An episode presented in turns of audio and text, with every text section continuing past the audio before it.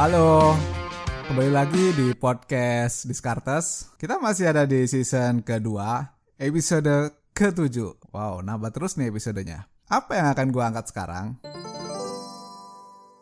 Gue akan ngobrolin tema strategi beli emas yang jelas. Ya, kita ngomong yang jelas-jelas saja guys.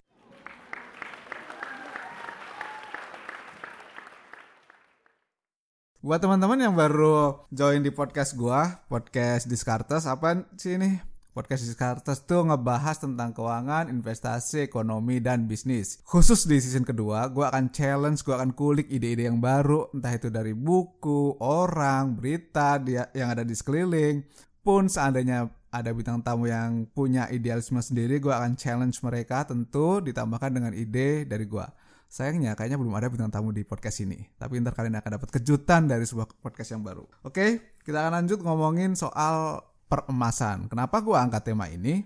Lagi hype kan guys. Jadi sekarang ketika podcast ini dibikin, harga emas itu bisa tembus 1 juta. Salah satu penyebabnya itu lucu. Beberapa hari yang lalu, Warren Buffett dia beli saham perusahaan tambang. Makanya masyarakat dunia bilang ada Warren Buffett effect. Dia beli saham perusahaan tambang yang mengakibatkan harga emas ikut melesat naik. Cuman gara-gara dia ambil saham-saham itu. Ekspektasi masyarakat dunia langsung positif melihat tindakan Warren Buffett. Buat teman-teman yang tahu soal investment, soal trading, ingat satu rumus yang dari dulu selalu disampaikan oleh orang-orang. Semua yang cepat naik pasti juga akan cepat turun. Lu gampang jatuh cinta, lu harus siap-siap gampang patah hati. Ibarat kata gitu. Kalau kita ngomongin soal pergerakan harga emas, dalam 10 tahun terakhir, kalian akan melihat bahwa harga emas itu memang naik, tetapi kelandaiannya itu terukur. Tapi lihat sekarang di tahun 2019 akhir sampai 2020 pertengahan. Kenaikannya itu beda. Ya, lu sambil buka deh, sambil buka website, entah itu statistik apa, kalian akan melihat kelandaian yang berbeda dari pergerakan harga emas. Ada sesuatu yang anomali. Inilah yang gue sebut sebagai kenaikan yang terlalu mendadak dan faktor nggak bisa terus-menerus berulang.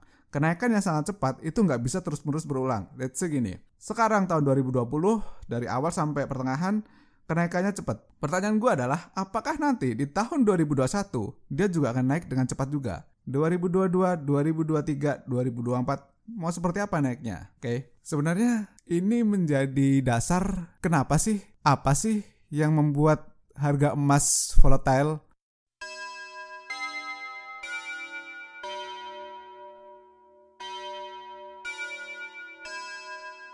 Apa aja faktor-faktor yang mempengaruhi harga emas itu sendiri? Ada beberapa hal yang perlu kalian pelajarin juga.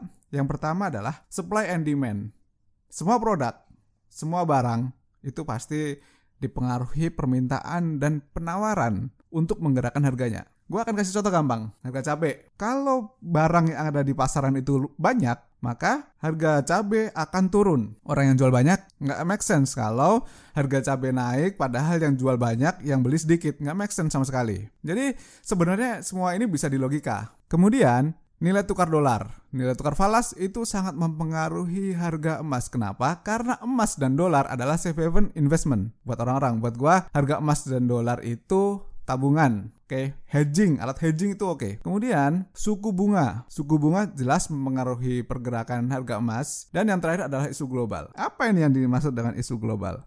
Ini ada kaitannya dengan keamanan. Jadi guys, kalau misalnya lu ada di negara antah berantah dan dia sedang ada perang, maka gimana sih cara lu nyelamatin harta yang lu miliki? Satu-satunya cara adalah lu akan nyimpen harta lu di tempat yang paling aman dan tetap nilainya. Nah, emas memiliki karakter ketetapan nilai. Oke, okay? Kata dalam jumlah yang sama, sebuah emas bisa beli sapi beberapa tahun yang lalu, let's say 10 tahun yang lalu. Maka di tahun ini dengan berat yang sama, emas itu juga bisa beli sapi dalam jumlah yang sama juga. Artinya ketetapan nilainya itu terjaga. Nah, emas punya karakter seperti itu. Itulah kenapa emas dan dolar menjadi safe haven instrumen di market.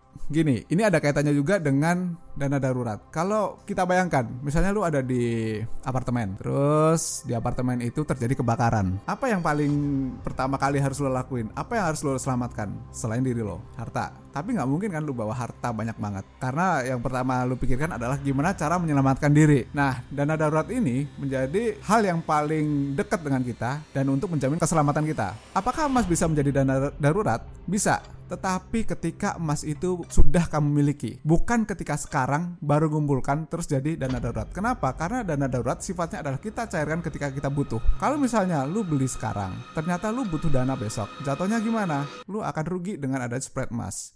Gue akan jelaskan hal ini beberapa waktu lagi. Kemudian gue akan lanjut dengan tipsnya. Ya ini kayak orang-orang bilang tips tips tips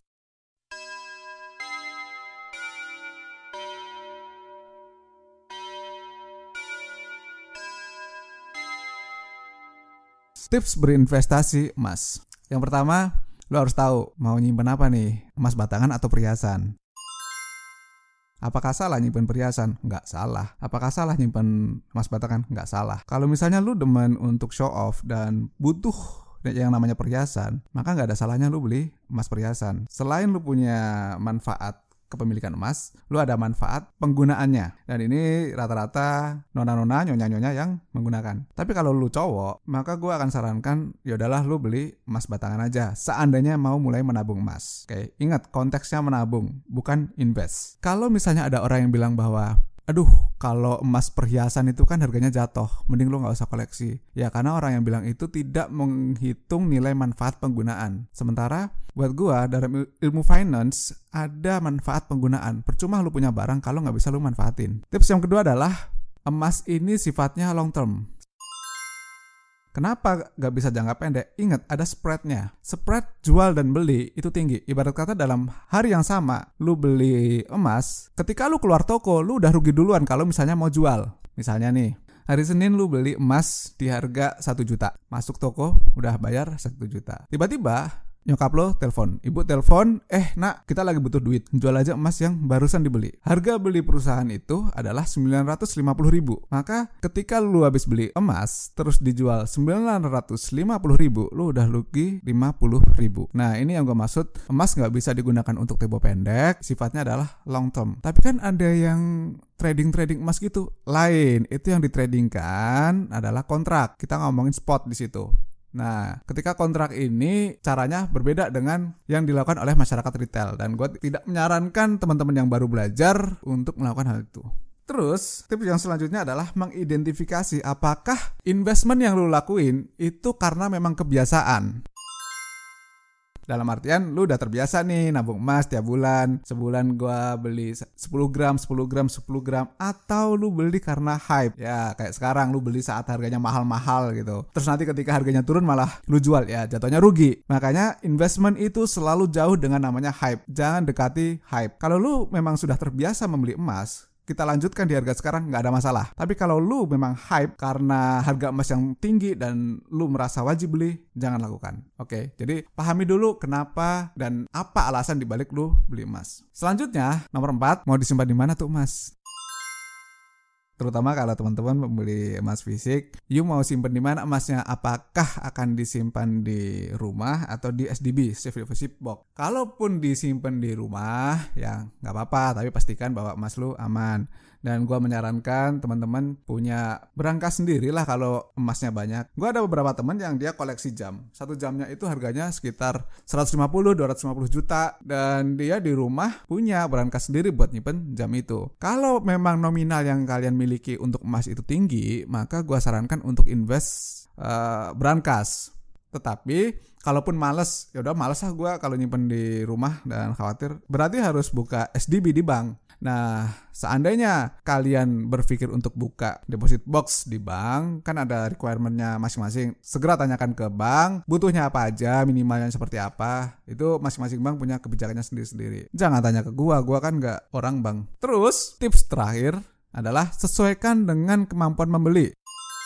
Jangan berlebihan. Kalau misalnya lu punya gaji 10 juta, lu bisa nabung 3 juta per bulan. Ya jangan beli emas 10 juta. Jangan sampai you semua invest ke emas terus menggunakan hutang. No, semampunya aja.